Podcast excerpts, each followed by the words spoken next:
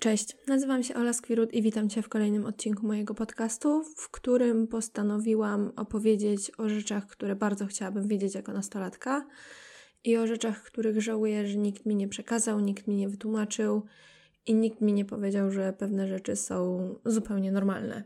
Natchniło mnie do tego trochę spotkanie, które miałam przyjemność jakiś czas temu poprowadzić w wydaniu online mm, w szkole, do której zostałam zaproszona przez jedną z obserwatorek na Instagramie i jakby możliwość pojawienia się e, ze swoją prezentacją i powiedzeniu kilku słów na temat tego właśnie, co jest normalne, czego możemy się spodziewać i jakby jak to zdrowe odżywianie ma wyglądać albo właśnie powinno wyglądać, e, zwrócenie uwagi na takie obszary, które powinny gdzieś tam już wzbudzić w nas jakieś zainteresowanie, e, było spełnieniem marzeń, absolutnym spełnieniem marzeń, więc stwierdziłam, że zrobię trochę recykling treści i opowiem też o tym w podcaście.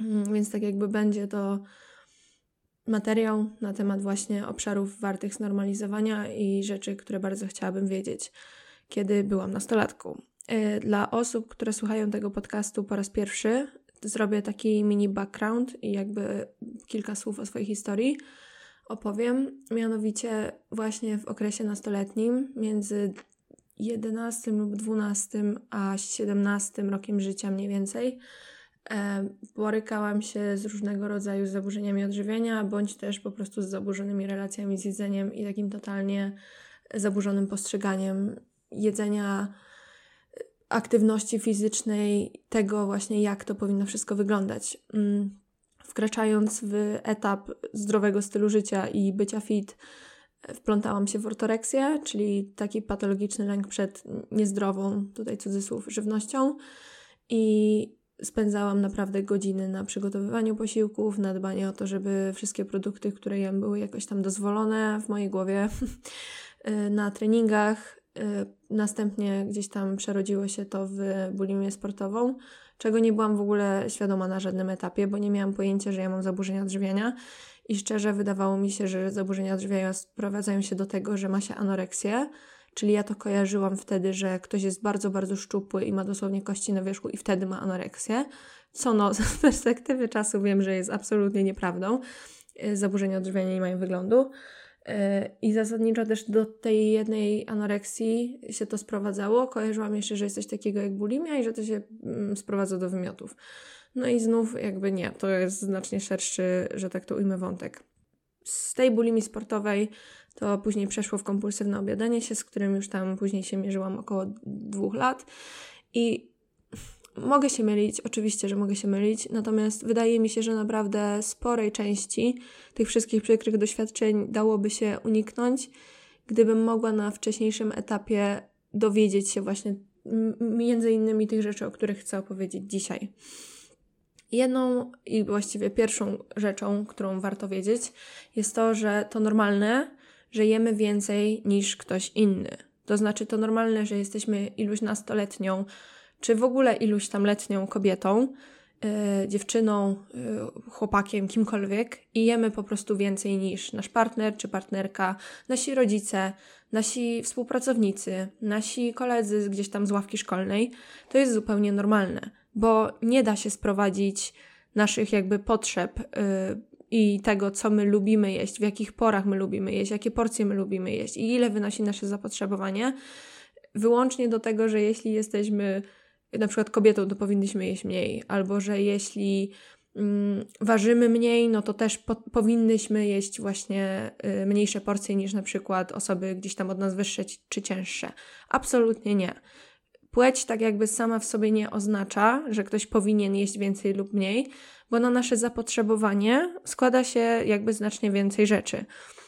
Można rozdzielić zasadniczo mm, zapotrzebowanie energetyczne takie nasze całodobowe na cztery główne komponenty. I tymi komponentami są podstawowa przemiana materii, która sprowadza się do tego, że to jest ilość energii potrzebna naszemu organizmowi do jakby utrzymania wszystkich funkcji życiowych na takim optymalnym poziomie. Czyli, że my sobie leżymy, nic nie robimy, totalnie nic nie robimy, po prostu leżymy cały dzień, patrzymy się w sufit i ta podstawowa przemiana materii to jest właśnie ilość energii, którą nasze ciało w takim stanie potrzebuje, żeby nie zapożyczać tej energii z innych jakby rezerw, żeby sobie po prostu przetrwać w takim stanie. Kolejną składową jest aktywność treningowa, czyli ilość energii wydatkowaną w takich zaplanowanych jednostkach treningowych. Następnie mamy aktywność pozatreningową, czyli cały ruch, który wykonujemy właśnie poza tą planowaną aktywnością. Cały ruch jakby związany z przemieszczaniem się z miejsca do miejsca, z tym, jaki my mamy też charakter pracy, Mm, bo kelnerka na przykład będzie miała zupełnie inną, tak jakby właśnie tą, tą aktywność mm, jakby pozatreningową, tą spontaniczną, niż osoba, która pracuje w biurze i ma jakby tryb siedzący.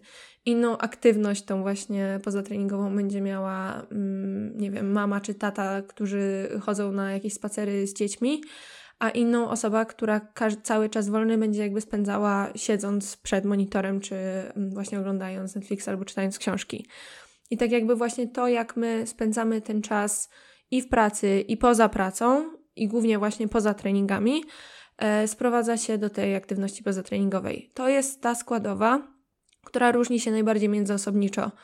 Czyli ta podstawowa przemiana materii i aktywność treningowa nie są w stanie wygenerować aż takich różnic, jak aktywność pozatreningowa. Ona u jednej osoby może wynosić 100, 200, 300 kilokalorii, a u drugiej 800 lub 1000 lub jeszcze więcej. Więc tak jakby tutaj na tej płaszczyźnie obserwujemy największe różnice i to zasadniczo ta składowa w głównej mierze będzie decydować o tym, ile to nasze zapotrzebowanie wynosi. Mamy także efekt termiczny jedzenia, to jest czwarta składowa y, tego naszego zapotrzebowania i to jest nazywane często podatkiem od jedzenia, czyli to jest taka ilość energii, którą my musimy przeznaczyć na przyswojenie, strawienie, yy, pożywienia. To tak się zasadniczo sprowadza do mniej więcej 10% yy, posiłku, czyli jeśli nasz obiad miał 600 kilokalorii, no to ten podatek od jedzenia tak jakby wyniesie 60. I te wszystkie składowe są zasadniczo zawarte we wzorach. Mam na myśli wzory, które już nam liczą to całkowite zapotrzebowanie. I mówię o tym dlatego, że wiele kobiet, szczególnie kobiet, przynajmniej tak w mojej praktyce, bo właśnie z kobietami głównie pracuję, ma takie poczucie, że właśnie nie powinna jeść tyle, co jej partner, albo nie powinna jeść tyle, co jej rodzic, albo że ona jedyna jest taką osobą, której po prostu apetytu się nie da gdzieś tam nigdy zaspokoić, bo na przykład je jedną kanapkę więcej albo je jednego banana więcej gdzieś tam na przerwie w szkole do drugiego śniadania. No i jeśli my sobie uświadomimy właśnie to, że fakt, że jesteśmy płci żeńskiej nie oznacza sam w sobie, jakby nie determinuje sam z siebie, że my powinniśmy jeść mniej niż mężczyźni, trochę otwiera oczy, bo mamy poniekąd mówione, że właśnie mm, jak jest kobieta, która jest drobna, albo nieważne zresztą, czy jest drobna, czy nie, jak jest po prostu kobieta właśnie, to ona powinna jeść tam mniejsze porcje niż facet, że, e, że chłopca się powinien najeść tak porządnie, a, a kobieta nie. No, e, no. Mam odmienne zdanie, umówmy się, mam odmienne zdanie i jest ono właśnie tak jakby zdeterminowane w głównej mierze tym, że ty możesz latać cały dzień dosłownie z punktu A do punktu B. Ty możesz dbać o to, żeby właśnie gdzieś tam wyjść na spacer, wyjść na rower, żeby poćwiczyć, żeby po prostu zrobić cokolwiek innego, chociażby ogarnąć mieszkanie i to już będzie generowało sobie y, spore wydatki, podczas gdy na przykład twój partner y, siedzi cały dzień w pracy przed komputerem, a później siedzi cały y, jakby wolny czas i wolne popołudnie na kanapie przed telewizorem. No i jest wielkie zdziwko, że czemu ty się nie możesz najeść tą porcją co on, albo czemu właśnie ty masz potrzebę jedzenia więcej y, w porównaniu do niego. No właśnie dlatego, że ty zwyczajnie potrzebujesz więcej. I to jest tylko taki czysto hipotetyczny scenariusz, no bo oczywiście nie mam pojęcia, jak to wygląda, y, jakby jak wyglądają wasze dni. I są też scenariusze, w których ty możesz potrzebować jeść więcej niż on, Niezależnie od tego, czy danego dnia, czy w ogóle danego tygodnia, miesiąca, czy roku masz więcej aktywności niż on, ale do tego zaraz przejdę. W każdym razie, jakby chciałam zwrócić uwagę, że masa ciała, wzrost i płeć ma niewielkie znaczenie w porównaniu do tego, co ty robisz w wolnym czasie, jaki ty masz charakter pracy, jak, jakie ty masz też właśnie nawyki. To, czy ty wybierasz schody, czy jeździsz windą, czy jak masz gdzieś podjechać, to część na przykład trasy przejdziesz się pieszo, a część podjedziesz, albo w ogóle wychodzisz sobie wcześniej, żeby się po prostu przejść i właśnie gdzieś tam ten ruch przemycić, e, czy niekoniecznie. Ca wszystko to będzie się składało na to, ile ty będziesz potrzebowała. Ten scenariusz, o którym wspominałam, czyli to, że ty możesz mieć mniejszy poziom aktywności niż twój partner, bo już powiedzmy, że trzymajmy się tego przykładu, ale tak naprawdę w miejsce partner możesz wstawić kogokolwiek innego, do kogo się porównujesz, y, jest taki, że możesz mieć dług energetyczny do, do spłacenia. I już zaraz wytłumaczę o co chodzi z długiem energetycznym, ale jeszcze chciałabym podkreślić to, że kalkulator do wyliczania zapotrzebowania, z którego my możemy korzystać gdzieś tam na stronie internetowej, e, żeby właśnie oszacować, ile wynosi nasza podstawowa przemiana materii, całkowita przemiana materii i tak dalej. Okay, to jest jakieś narzędzie, ale po pierwsze, to jest narzędzie, które daje jakąś tam wartość. I jakiego, nie wiem, dietetyka nie zapytasz o to, ile wynosi moje zapotrzebowanie, nie ma takiej możliwości, żeby ktoś ci podał dokładną ilość i powiedział, że jest w 100% pewny, a jeśli tak robi, to nie wierzyłabym mu, nie, jakby nie ufałabym mu, bo po prostu nie ma możliwości, żeby kalkulator, znaczy inaczej, jest możliwy scenariusz, że kalkulator wyliczy ci plus minus dokładnie, ale to się nie zdarza szczególnie często. W sensie, żeby się upewnić i żeby sprawdzić, ile ty faktycznie Y, jesz, żeby na przykład utrzymać masę ciała, albo żeby przytyć, albo żeby schudnąć, trzeba to wdrożyć w życie. Trzeba to zastosować w praktyce przez ileś naście dni, przetestować i zobaczyć, jak to, co wyliczył właśnie kalkulator, ma się do Twojej faktycznej sytuacji życiowej, bo to jest tylko jakieś narzędzie, które daje jakiś tam punkt odniesienia, ale w niewielu przypadkach jest na tyle dokładne. Zresztą to, że na przykład kalkulator wyliczy Ci, że Twoja Twoje dobowe zapotrzebowanie wynosi 2248 kilokalorii, to absolutnie nie oznacza, że Ty masz jeść 2248 kilokalorii, tylko że Ty sobie na przykład przyjmujesz widełki między 2100 a 2300, czy tam między 2200 a 2400 i w tych widełkach się obracasz przez ileś dni i później sprawdzasz, jak to się ma do Twojej masy ciała na przykład. Jeśli chcesz to sprawdzać, jeśli Ci na tym zależy. Ale to nie jest tak, że my musimy jeść po prostu co do jednej kilokalorii. My nie jesteśmy w stanie z taką dokładnością zresztą tego ocenić. Wracając e, do w ogóle tego wątku z kalkulatorem, bo tradycyjnie odbiegłam od tematu. Wchodzimy na stronę internetową, wpisujemy swoje parametry, tam masy ciała, wzrost, płeć, właśnie jakby poziom aktywności, ale my tam nie mamy opcji do zaznaczenia nie mam miesiączki, albo miałam zaburzenia odżywiania, albo boję się zjeść czekolady. My tam w ogóle nie zaznaczamy tak jakby naszej przeszłości, czy też naszego obecnego e, jakby stanu rzeczy. Nie, nie zaznaczamy naszych obecnych relacji z jedzeniem i z aktywnością fizyczną, a to jest coś, co obowiązkowo po prostu trzeba wziąć pod uwagę przy ustalaniu jakiegoś, nie wiem, no systemu żywieniowego, tak to nazwijmy. I kalkulator nie weźmie pod uwagę właśnie tego, że ty nie masz miesiączki i nie zaproponuje ci, ej, dodaj tutaj ileś set kilokalorii, bo po prostu tego potrzebujesz, bo jeśli schudłaś, jeśli byłaś na jakimś takim, no, hardkorowym, chociaż w sumie nie trzeba być na żadnym hardkorowym, to też jest zresztą takie subiektywne postrzeganie, ale no, chodzi mi o to, że nie trzeba cisnąć 6 razy w tygodniu treningów po 2 godziny, żeby stracić miesiączkę. Można ćwiczyć znacznie mniej. Yy, można wcale też nie czuć, że my mamy jakieś restrykcje żywieniowe i tę miesiączkę i tak mimo to stracić. Yy, kalkulator tego nie widzi, więc kalkulator nam tak jakby nie zaalarmuje, że ej, musisz jeść więcej. On ci nie powie właśnie, że ej, masz dług do spłacenia. I ten dług energetyczny, o którym wspomniałam, generalnie sprowadza się do tego, że w momencie, kiedy my miałyśmy za sobą, czy tam jesteśmy właśnie w trakcie takiego okresu, w którym bardzo mocno ograniczamy różne rzeczy, e, no głównie właśnie jedzenie do tego sprowadzam, i lub intensywnie trenujemy, i nasze ciało nie dostaje odpowiedniej podaży energii względem wydatków, nie zostaje mu tak jakby zapewniona odpowiednia ilość paliwa, żeby zasilić po prostu codzienne wszystkie procesy i to na poziomie takim molekularnym, na poziomie tych enzymów, komórek i tak dalej, wszystkiego tego, co się w nas dzieje, no to jeszcze dochodzi do tego e, tak jakby aspekt psychologiczny. Czyli to, że my bazujemy na 15 produktach na krzyż, wszystkiego sobie zakazujemy i jakby rezygnujemy z, no bardzo często życia, w sensie można to tak nazwać, że to w którymś momencie staje się tak smutne i tak niecieszące nas, to co my robimy właśnie na tej płaszczyźnie żywieniowo-treningowej, e, że zostajemy tak jakby uwikłane po prostu w takiej swojej bańce i tak jakby każdy dzień wygląda identycznie i sprowadza się do po prostu odhaczenia zadań z listy dotyczącej właśnie rygoru tego jedzeniowo-treningowego to, co może świadczyć, że my mamy właśnie ten dług energetyczny do spłacenia, e, no to długotrwałe głodówki. I tutaj zaznaczę od razu, że głodówką może być też dieta na przykład 1800 kilokalorii, która jest bardzo często gdzieś tam rozpowszechniana i propagowana wśród kobiet. I ja jestem w stanie to jak najbardziej zrozumieć, bo faktycznie w wielu przypadkach naprawdę 1800 kilokalorii może być jak najbardziej jakby dostateczną ilością, może być bardzo satysfakcjonującą ilością. Można w to 1800 włączyć wiele smacznych produktów i tak jakby móc podejść do tego elastycznie.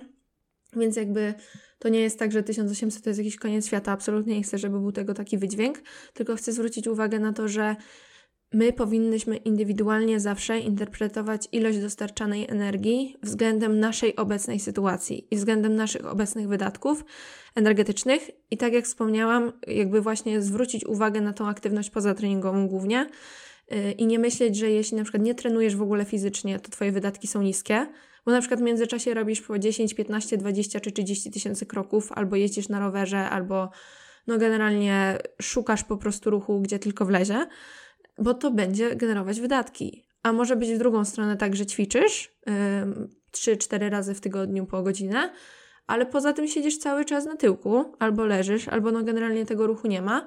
No i wtedy może się okazać, że Twoje zapotrzebowanie wcale na przykład nie jest tak duże, jak, ci, jak nam się wydaje.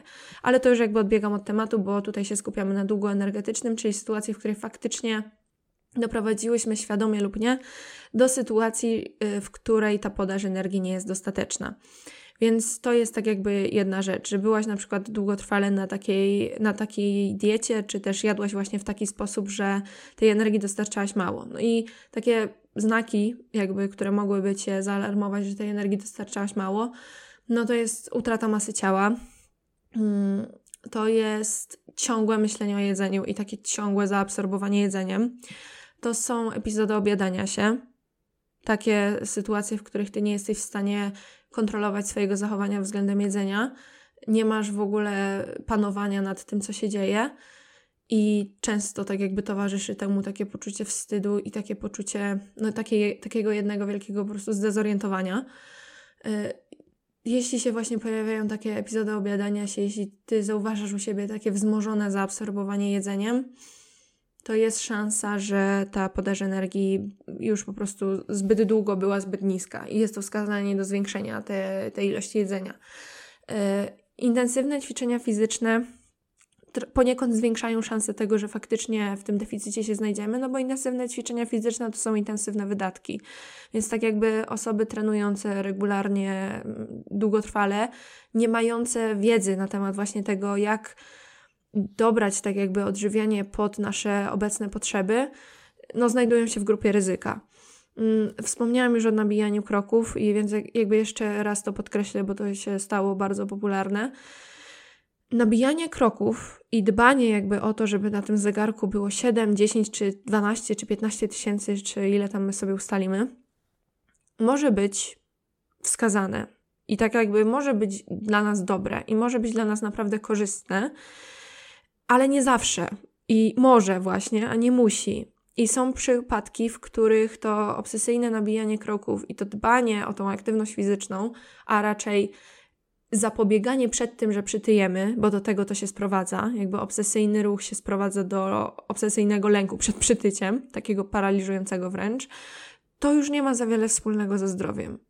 I jeśli my tak odpowiemy sobie szczerze właśnie na pytanie, czy ja wychodzę na spacer dla przyjemności, yy, czy ja idę obsesyjnie nabić kroki, żeby zasłużyć na jedzenie albo żeby spalić kalorie, no to jakby samo uświadomienie tego, sobie tego problemu może być pewnym gdzieś tam punktem rozpoczęcia naszej, yy, że tak to ujmę, podróży z naprawianiem tego po prostu. Yy, I to, to w ogóle mówię o tych krokach, dlatego że to generuje spore wydatki. Że to nie jest tak, że spacer jest niewinny, to nie jest tak, że jak chcę właśnie unormować swoją relację z aktywnością fizyczną, na przykład, no to muszę tylko wyrzucić treningi intensywne, a spacery mogę sobie zostawić, bo nabijanie kroków, choćby nie wiem, co się działo, nie jest w niczym lepsze niż robienie tych intensywnych treningów. Jakby to jest zasadniczo ten sam pułap. Kolejna rzecz, która może gdzieś tam sprzyjać temu, że my mamy dług energetyczny do spłacenia, no to jest właśnie brak miesiączki. I brak miesiączki mam na myśli zanik spowodowany tym, że my na przykład zaczęłyśmy nagle intensywnie ćwiczyć, albo zaczęłyśmy właśnie się odchudzać, przeszłyśmy na jakąś dietę, albo wprowadziłyśmy sobie jakieś, nie wiem, okno jedzeniowe, powiedziałyśmy sobie, że będziemy jeść na przykład od 10 do 18, czy od 10 do 16, czy coś tam, coś tam. I wskutek tych restrykcji czasowych nie byłyśmy w stanie sobie po prostu do, jakby dostarczyć odpowiedniej ilości energii. I tutaj podkreślam to, że nie trzeba przejść na jakby świadomą dietę, nie trzeba na poziomie takim totalnie świadomym chcieć się odchudzać, y, żeby doprowadzić do po prostu zmniejszonej ilości energii dostępnej. Czyli właśnie, żeby nie dostarczać sobie po prostu wystarczającej podaży jedzenia, wystarczającej podaży kalorii, którą nasze ciało w danym momencie potrzebuje. I dlaczego mówię o tym długu energetycznym? Bo to jest coś, czego kalkulator nie weźmie pod uwagę. To jest coś zresztą też o mm, co specjaliści nie pytają. Więc jakby co, co dopiero jakiś kalkulator. Przeszłość i to, co nas tak jakby doprowadziło do obecnego punktu, w którym my się znajdujemy, może mieć jakby kluczowe znaczenie w tym, ile my potrzebujemy jeść.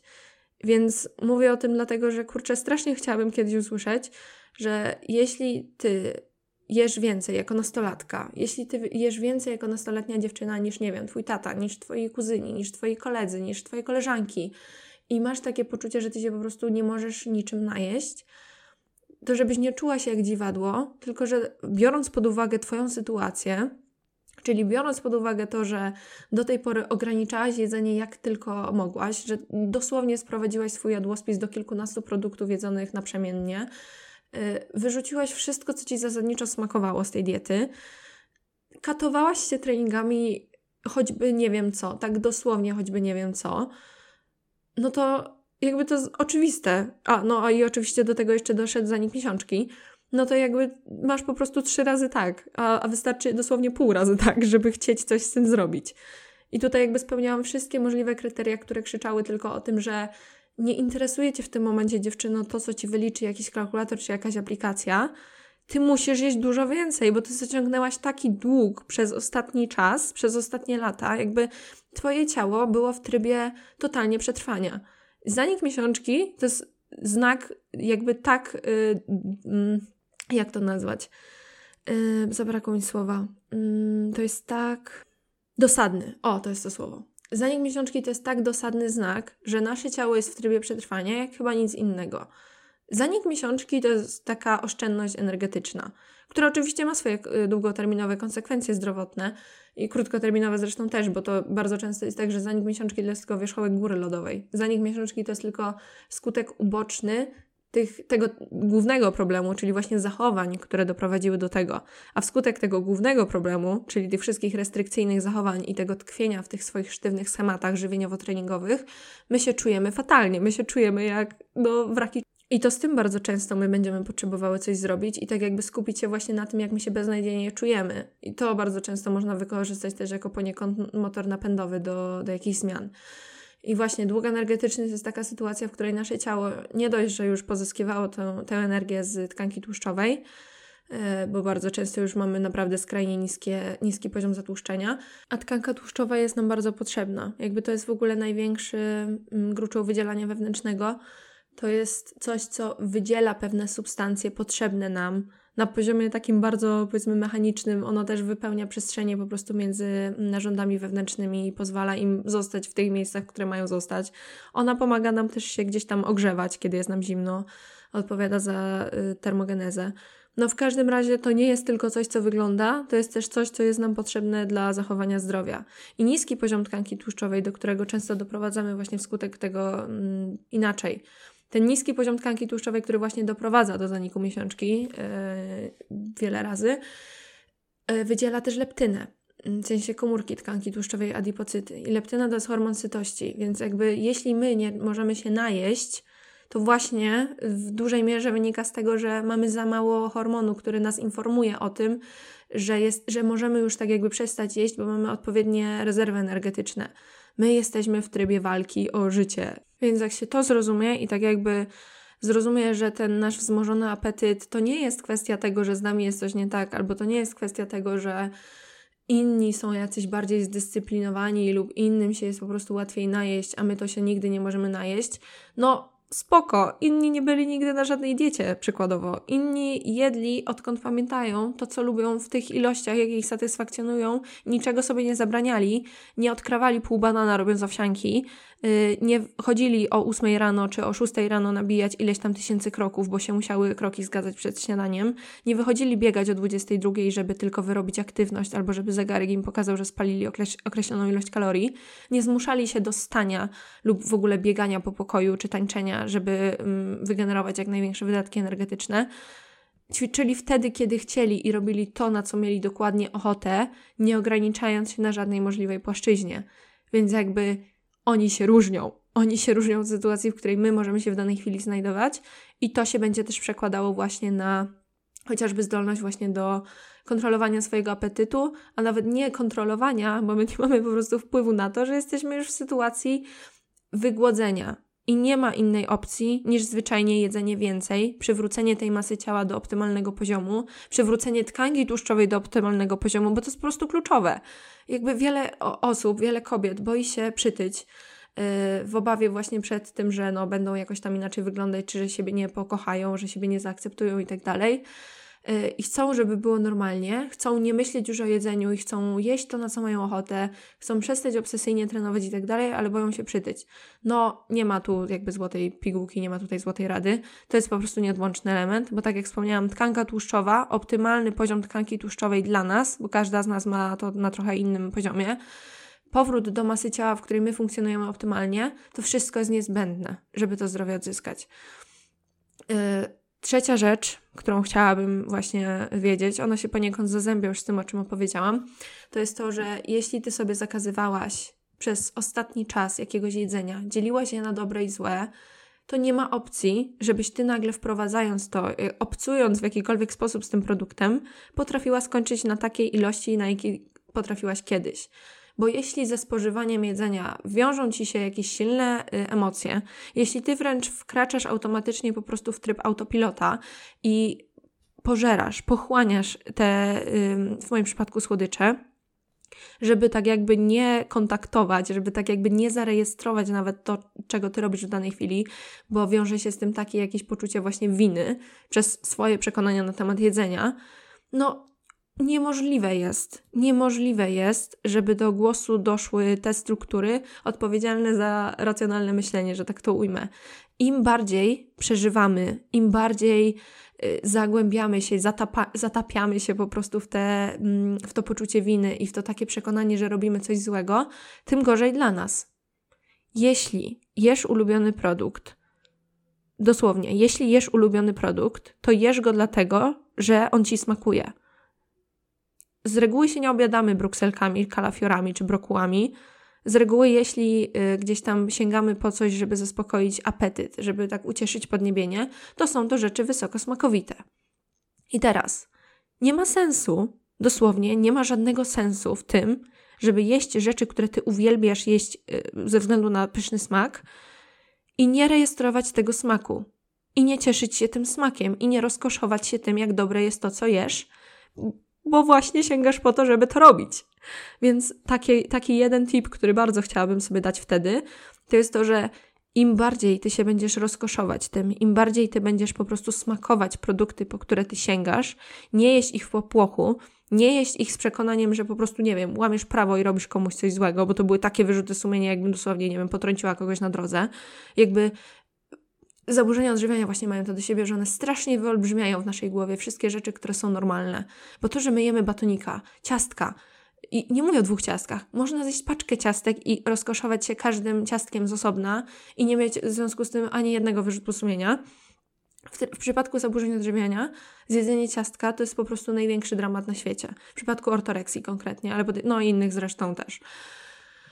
Więc chciałabym bardzo, żeby ktoś mi wtedy powiedział, że im bardziej wychillujesz, im bardziej po prostu będziesz się delektować tym, co jesz, tym łatwiej będzie ci skończyć w odpowiednim dla ciebie momencie. I że to jest normalne, jeśli po miesiącach czy latach restrykcji rzucasz się dosłownie na te produkty i nie jesteś w stanie się opanować i powstrzymać, bo jakby no czego od siebie oczekujesz. To jest taki syndrom po prostu spuszczenia ze smyczy poniekąd. I teraz ty będziesz musiała się tak jakby... Yy, będziesz musiała odzyskać do siebie zaufanie, względem tego, że ty już sobie tych produktów nie zabronisz. I zanim ty sobie zaufasz na nowo, po, tym, po tych miesiącach lub latach tłumienia tych potrzeb i wmawiania sobie, że jest inaczej i ignorowania swojej ochoty, to są takie klasyczne przypadki, w których myślisz sobie nawet rano, że kurde, zjadłam naleśniki, ale no zaraz dochodzi oczywiście głos zaburzenia, że nie, po co ci naleśniki, to jest tyle kalorii, albo to jest, nie potrzebujesz tego, y, ty jesteś, nie wiem, jakaś bardziej zdyscyplinowana niż inni, ty zjesz sobie zdrową owsiankę z jakimiś nasionami czy orzechami, ale też nie za dużą ilością orzechów, no bo przecież to jest gdzieś tam tłuszcz i kalorie i w ogóle. I jakby to przygaszanie w sobie każdej, każdego sygnału, które nasze ciało daje, że zjadłoby coś konkretnego. Coś konkretnego, jakieś pierogi, jakieś kluski, jakieś naleśniki właśnie, pizzę, burgera, chipsy. Te wszystkie potrzeby były przez miesiące, lata tłumione. Nie dawałaś sobie dowodu na to, że twoje ciało może czuć się tak jakby bezpiecznie, bo ty mu dostarczysz to, czego ono potrzebuje. Teraz musisz to odkręcić. I to jest zupełnie normalne, że pojawi się taki efekt przejadania się, że pojawi się takie poczucie braku kontroli nad tym, co my jemy. To jest coś, czego należy się spodziewać po tak długotrwałych restrykcjach, i im szybciej my w to wejdziemy szczerze, tym lepiej. Bo tym szybciej damy sobie dowód na to, że okej, okay, już to jedzenie jest w pobliżu, już to jedzenie jest w otoczeniu, my już nie jesteśmy głodzone, my już nie musimy być w trybie przetrwania, my już nie musimy się obiadać na zapas, bo to jedzenie będzie po prostu za każdym razem, kiedy my będziemy go chciały. Więc im szybciej to zrobimy, im szybciej damy sobie to potwierdzenie, damy swojemu mózgowi dowód na to, że hej, serio, już cię nie przegłodzimy, no tym lepiej dla nas i tym szybciej to gdzieś tam odejdzie. Więc tu jest znowu taki aspekt, że nie porównujmy swoich porcji i tego, jakie my jesteśmy gdzieś tam względem jedzenia do innych, bo nasze sytuacje mogą się różnić naprawdę diametralnie. A propos zaniku miesiączki, jeszcze chciałam tylko wspomnieć o tym, że diagnozą zawsze zajmuje się lekarz i nie chciałabym, żeby ktoś na podstawie tego podcastu zdiagnozował coś u siebie i w ogóle był przekonany po prostu, że u niego te problemy hormonalne wynikają dokładnie z tego, to ja mam tylko nadzieję, że w ogóle ktoś może usłyszał po raz pierwszy o tym, że zanik miesiączki może z tego wynikać, albo usłyszał, że mm, jest tutaj faktycznie taki mocny związek przyczynowo-skutkowy, ale ja zachęcam z całego serca do tego, żeby pójść do lekarza, dostać diagnozę, yy, opowiedzieć też o swoich obawach gdzieś tam, opowiedzieć o tym, jak to wyglądało, kiedy ten, tę miesiączkę się straciło i tak dalej, i później wtedy działać, bo przyczyn zaniku miesiączki jest ogrom i jakby postępowanie w przypadku każdego z nich będzie inne, więc uzyskanie dobrej diagnozy jest tak jakby kluczowe. Kolejna rzecz, którą chciałabym wiedzieć jako nastolatka, jest to, że nasz apetyt może się różnić w zależności od cyklu menstruacyjnego. To znaczy, może się różnić w zależności od fazy cyklu, nawet konkretnie, bo pierwsza i druga faza się będzie nieco różnić. I to nawet nie nieco, a no będzie się bardzo różnić. W pierwszej fazie u nas dominują estrogeny, i to jest czas, w którym nam z reguły jest jakoś tak łatwiej kontrolować apetyt, w sensie mamy mniej jakichś takich zachciewajek na, na pyszne słodyczki, fast foody i tak dalej. E, mamy z reguły też lepszy humor, jakiś taki większy poziom energii i czujemy się też lepiej ze sobą. Natomiast w drugiej fazie cyklu dominuje progesteron, który przygotowuje naszą macicę do, e, no, do krwawienia. I ten progesteron odpowiada za to, a raczej wiąże się z tym, że my mamy z reguły obniżony nastrój, obniżony poziom motywacji i energii, pojawia się ten zespół napięcia miesiączkowego, który może się pojawić już dosłownie pierwszego dnia po owulacji. To nie jest tak, że PMS pojawia się trzy dni przed okresem, czy ileś tam dni przed okresem, tylko on może się pojawić dosłownie tuż po owulacji, czyli mniej więcej tuż po połowie mm, cyklu. Yy, mamy też wtedy właśnie gorszą e, jakąś taką zdolność ogólnie do kontrolowania apetytu. Zatrzymuje się nam woda w organizmie, w związku z czym my się bardzo często czujemy gorzej na poziomie takiej atrakcyjności fizycznej może. I jakby właśnie to jest normalne. W sensie to wszystko wiąże się z fizjologią. My nie jesteśmy mniejszą wersją mężczyzn, czy tam w ogóle jakby odpowiednikiem ich w jakimkolwiek, my się totalnie różnimy. My, my, jesteśmy zupełnie inni. I to też nie jest tak, że jak w pierwszej fazie cyklu są estrogeny, to wszyscy musimy, wszystkie musimy skakać, podsłuchiwać z radości, a w drugiej fazie czuć się beznadziejnie, bo to nie ma zasady. Yy, każdy cykl może się zupełnie różnić. W jednym cyklu możesz mieć fatalny humor przed miesiączką, a przez kolejne trzy na przykład nie czuć w ogóle, że ona się zbliża i to jest okej, okay, ale zwracam uwagę na to, że faktycznie obserwuje się powiązanie takiej wzmożonej ochoty na przetworzone, słodkie, pyszne jedzenie y, z tym os- po prostu pogorszonym, osłabionym humorem. I że to jest ok. I zresztą można też parę rzeczy zrobić w tej drugiej fazie cyklu zresztą. No i takie trzy tipy, które mi przychodzą y, na myśl, to jest zadbać o spanie, bo niewysypianie się bardzo mocno się wiąże właśnie z taką wzmożoną potrzebą jakby jedzenia y, słodyczy, czy w ogóle jedzenia właśnie większej ilości. No a jeśli czujemy, że w ogóle sam, sam, sam ten fakt jakby bycia w drugiej fazie cyklu nam tego nie ułatwia, no to tutaj niewyspanie się jeszcze dodatkowo ten efekt spotęguje.